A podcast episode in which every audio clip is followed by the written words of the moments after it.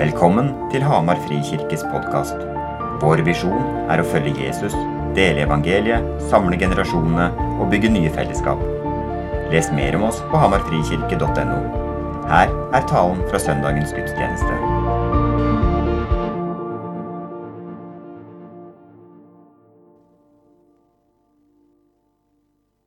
I dag skal jeg, skal jeg snakke litt ut ifra eh, teksten som er for i dag.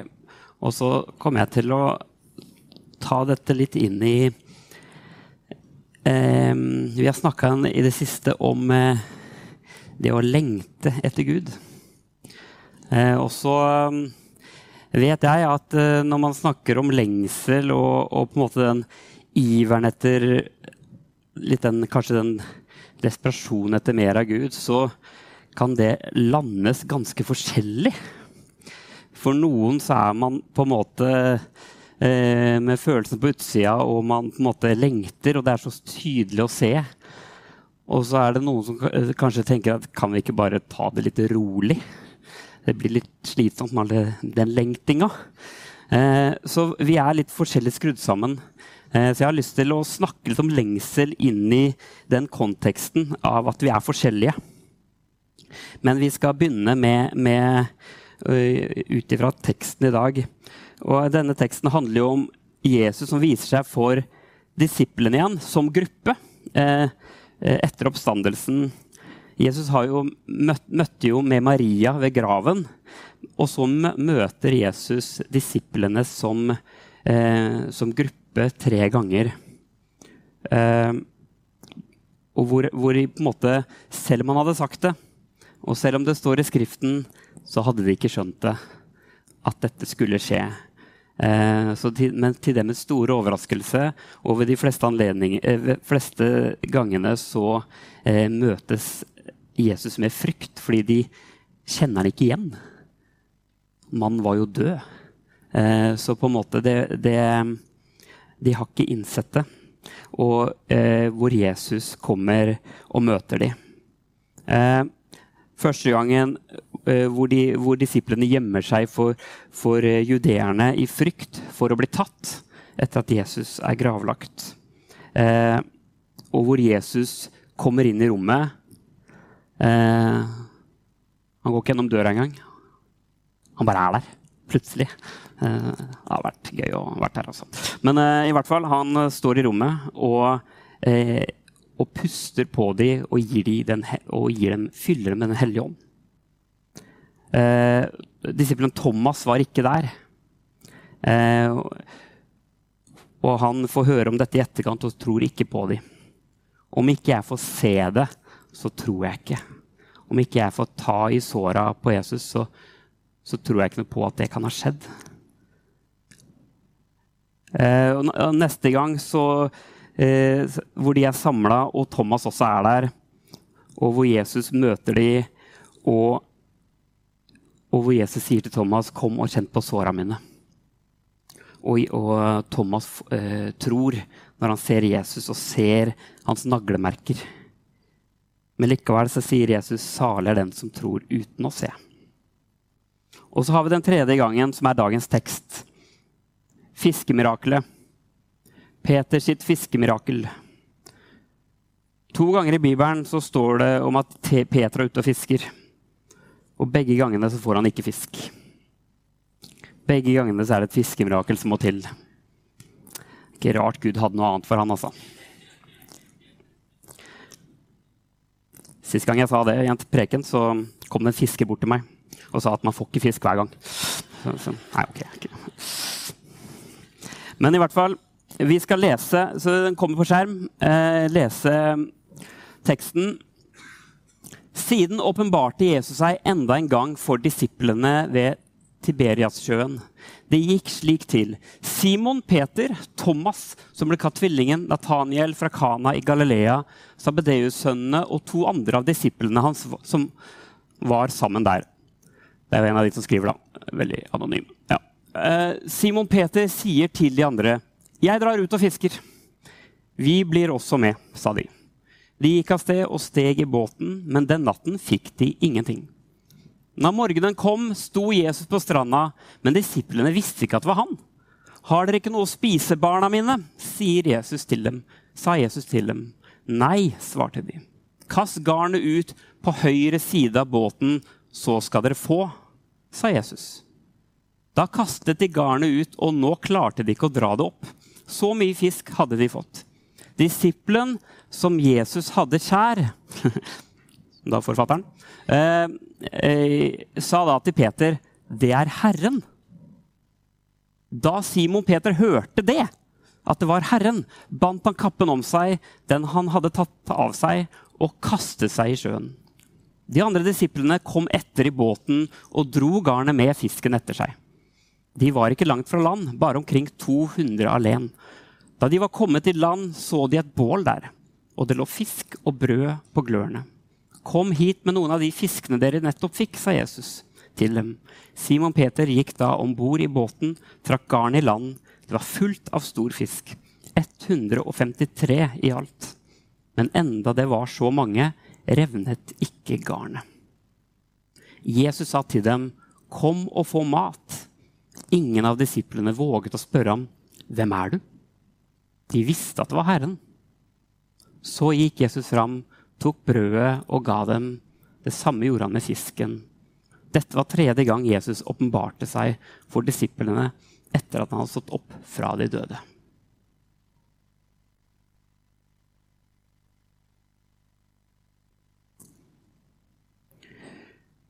Denne historien her bygger også opp, opp, mot en samtale som skulle endre alt for Peter. Som er min favoritthistorie i Bibelen eh, som vi ikke skal gå fullt og helt inn i i dag, men som er som på en måte kommer fra vers 15 og utover.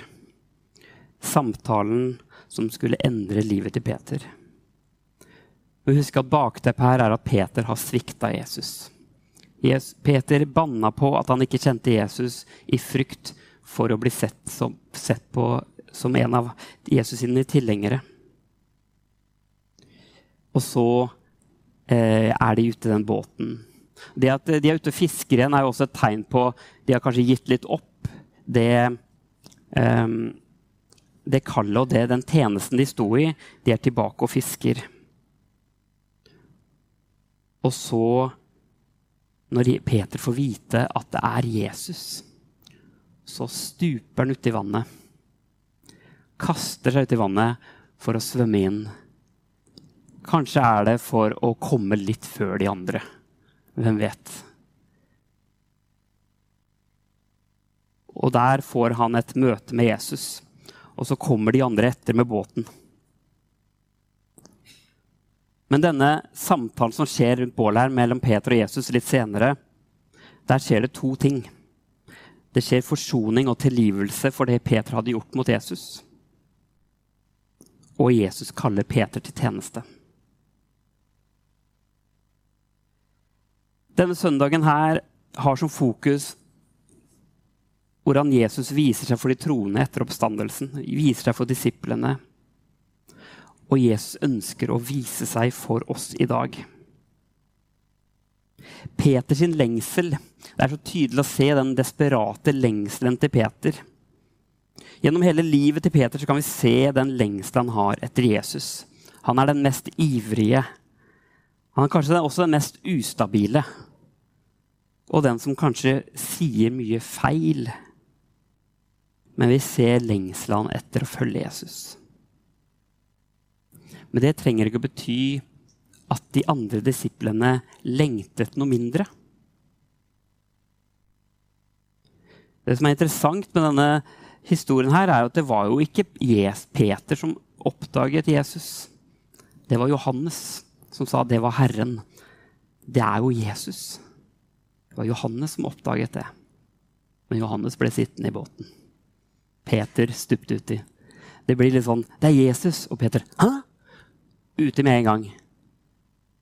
Peter var en sånn type, en handlingens mann.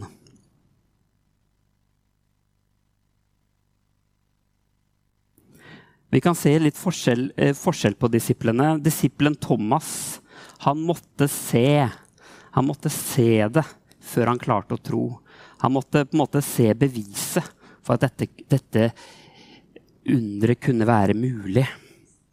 Mens Johannes var kanskje den som eh, forsto ting, men ble likevel sittende i båten. Peter var den første til å handle. De alle forskjellige måter de var i kobla med Gud på, forskjellige måter de fungerte. Og som menighet så tror jeg også lengsel kan se veldig forskjellig ut. I vår karismatiske kontekst så er det kanskje løftede hender og hallelujarop som tilsier om vi lengter, eller om vi er overgitte. Men vår lengsel etter Gud ser forskjellig ut. Vi kan være verbale. Lengselen kan komme ut ifra et, et stille øyeblikk ved lystenning.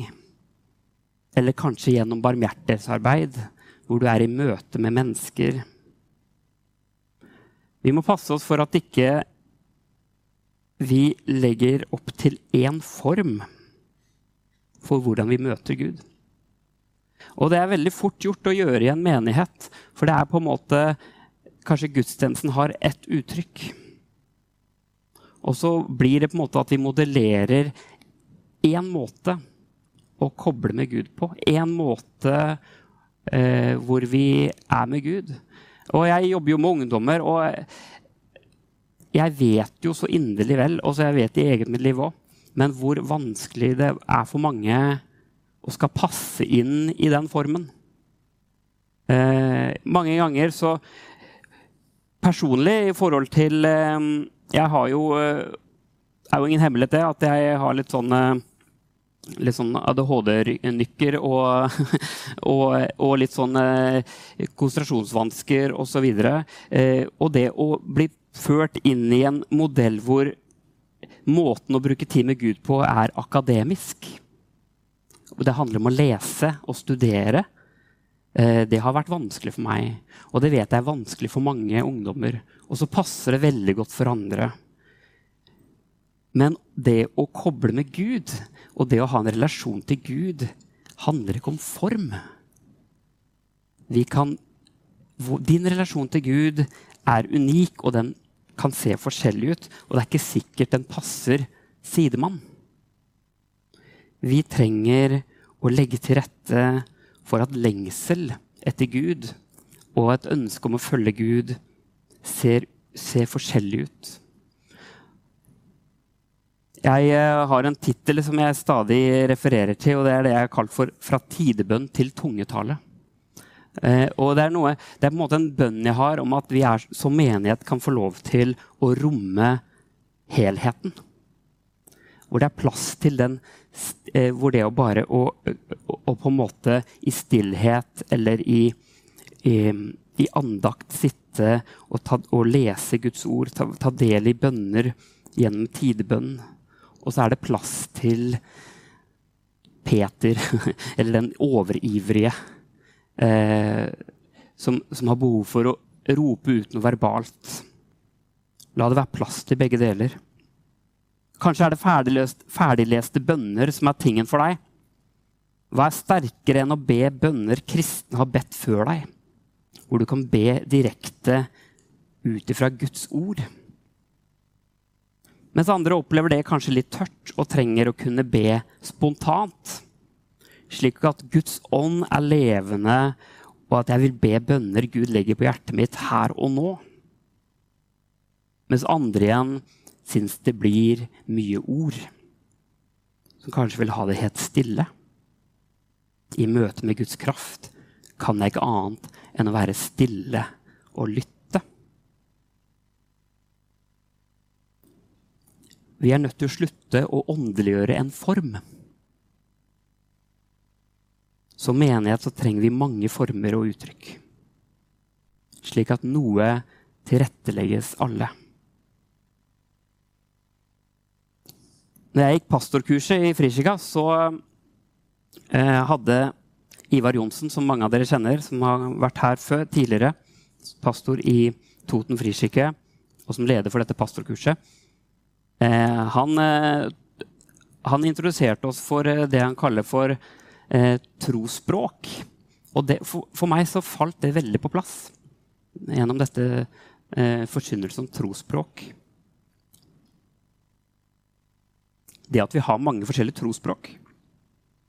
At vi, at vi har forskjellige måter vi nærmer oss Gud på. Og han eh, der så på en måte ble jeg introdusert for seks forskjellige trosspråk, og det er kanskje kjent for noen av dere. Men jeg har lyst til å ta oss gjennom de. For, for meg så ble det en, en sånn tankevekker. Og det er også lagd en, en, sånn uh, test på dette. eh, for å på en måte Til hjelp for å, på en måte, hvordan vi kan finne litt mer ut av hva slags trosspråk eh, har jeg. jeg har gjort dette med ungdommene. lederne i Freak. Vi gjorde det nå på fredag. Veldig interessant. Eh, og se hvordan eh, dette både stemte og, og utfordra litt i forhold til um, hvordan, hvordan kan jeg på lettest måte koble med Gud. Så jeg skal bare ta oss gjennom de, de seks språka ganske raskt. Eh, verbal og rasjonell. Det er en som liker å stille kritiske spørsmål, undre seg over dype mysterier kanskje veldig glad i apologetikk, en intellektuell og rasjonell tilnærming til tro. Annen måte, et annet trosspråk er den kontemplative, hvor man er glad i å bruke sansene veldig til stede her og nå, liker stillhet, meditasjon, ro. Og så har vi et annet ord, eh, et annet trosspråk som eh, som kanskje er det uttrykket vi oftest møter i vår setting. Og det er det karismatiske, der det profetiske er i sving. Tilbedelse, lovsang. Opptatt av åndens gaver i funksjon. Og så har du den estetiske. Det visuelle, det kunstneriske. Kunst, interiør, stil taler til deg. Du tolker gjerne Gud gjennom farger, bilder, illustrasjoner. Musikk er et åndelig sterkt eh, språk. Ikke da musikken nødvendigvis gjennom lovsang, men musikken i seg selv. Et annet trosspråk er den rituelle, som elsker å følge kirkeåret. Liker rytme og gjentagelser. Liker symbolhandlinger og kanskje har et aktivt kroppsspråk med å korse seg selv, knele, løfte hender osv. Hvor tidebønn ofte er et nært trosspråk. Og et siste trosspråket, den handlingsretta. En som tjener i det praktiske. En som syns det fort blir mye prat. Kanskje får du lite ut av talere, men får gnist når det er dugnad og, og er, kan være med i hjelpeprosjekter. Kanskje misjonstur til Afrika eller mekke sykkelen til naboen. Hvor du opplever Guds nærvær når du får hjelpe mennesker. Det er sikkert mange flere typer trosspråk. Men grunnen til at jeg tar det opp, er at jeg tror at det er så viktig at vi som menighet legger til rette for at det er mange måter å lengte etter Gud. Det er mange måter å holde seg nær til Gud på. Og så er det selvfølgelig noen sentrale ting som bønn og Bibel. Selvfølgelig Guds ord og det med at vi kan be til Han. Men det kan skje i mange former. Når alt kommer til alt, så tror jeg vi alle lengter eller ønsker å være nær Gud. Men gjør vi det, eller blir det bare med tanken? La ikke det være en unnskyldning at jeg, ja, jeg vil, men jeg gjør det ikke fordi jeg er ikke så flink til å lese Bibelen. Eller jeg er ikke så, jeg er ikke så på en måte, jeg er ikke sånn som liker å være frampå på scenen her. det er mange måter vi kan gjøre det på. Finn din vei i det her. Og så er det vårt ansvar som menighet å legge til rette for alt. Det er derfor vi har så på mandag så har, eh, mandagskvelder så er det tidebønn nede i kjelleren. På tirsdager så er det mer et klassisk bønnemøte. Det er mulig vi ønsker at det er uttrykk for forskjellige ting.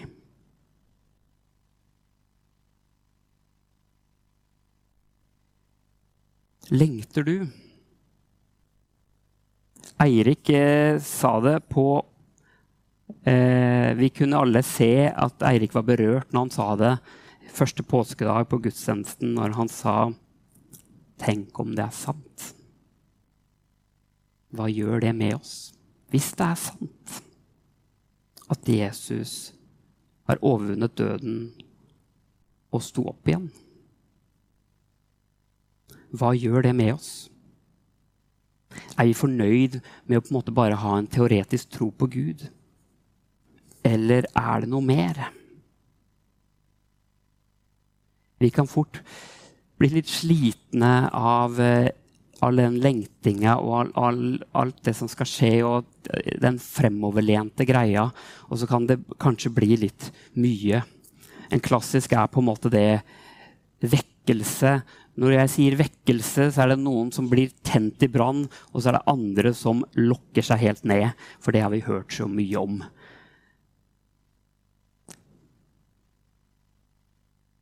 Vi må sørge for at hjertene våre er varme. Slik at vi kan lengte etter mer av Gud, men så kan det se forskjellig ut. Men la det ikke bli sånn at de er fornøyd med sånn ting er. Fornøyd med å ha en tro, og det er det. Jeg skal avslutte med en litt brutal historie, og det er Lukas 18, 9-13. Dette er historien om fariseeren og tolleren. Til noen som stolte på at de selv var rettferdige og så ned på alle andre, fortalte Jesus denne lignelsen. To menn gikk opp til tempelet for å be. Den ene var fariseer, og den andre toller. Fariseeren stilte seg opp for seg selv og bar slik.: Gud, jeg takker deg for at jeg ikke er som andre mennesker.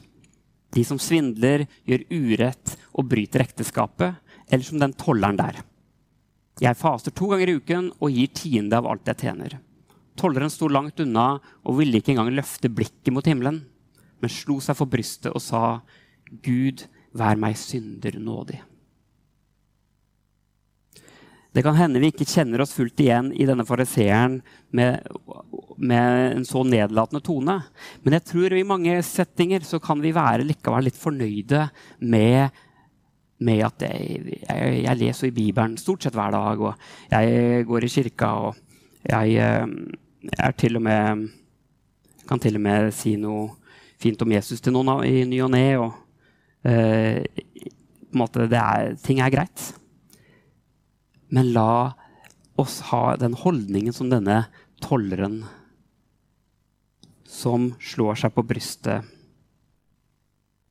som sier 'se i nåde til meg'. Vi trenger Gud. Og jo dypere vi kommer med Gud, jo mer innser vi at vi trenger Gud. Det er ikke sånn at jo dypere vi kommer i kristenlivet, jo finner vi ut at vi klarer oss sjøl. Nei, det er det opp-ned-riket. At jo mer, jo nærmere vi kommer Gud, jo mer desperate blir vi etter å ha Gud i livene våre. Som Paulus skriver, må Gud vokse og jeg avta må Gud få større plass i oss. Og den lengselen den håper jeg vi alle kan ha. Om ikke vi har den, at vi kan lengte etter å få den. Den lengselen. For det er den lengselen som driver oss i livet nær til Gud. Og som, som jeg har prøvd å få fram i dag, så skjer det på forskjellige måter. Det skjer gjennom Peter, som stuper uti, glemmer alt og hopper uti kanskje en Thomas som trengte å se. Han trengte drahjelp for noe konkret for å klare å henge med. Det er forskjell på oss, men vi alle har vi det til felles at vi trenger Gud. Låsaseng kan komme opp, så skal jeg bare avslutte med en bønn.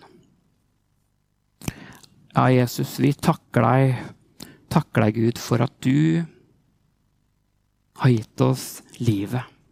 Takker deg for påskens budskap om at du overvant døden, Herre, slik at vi kunne få liv. Du ser hver enkelt en av oss. Du ser hva vi kommer ifra. Du ser hva vi bærer på. Du ser alt, Herre.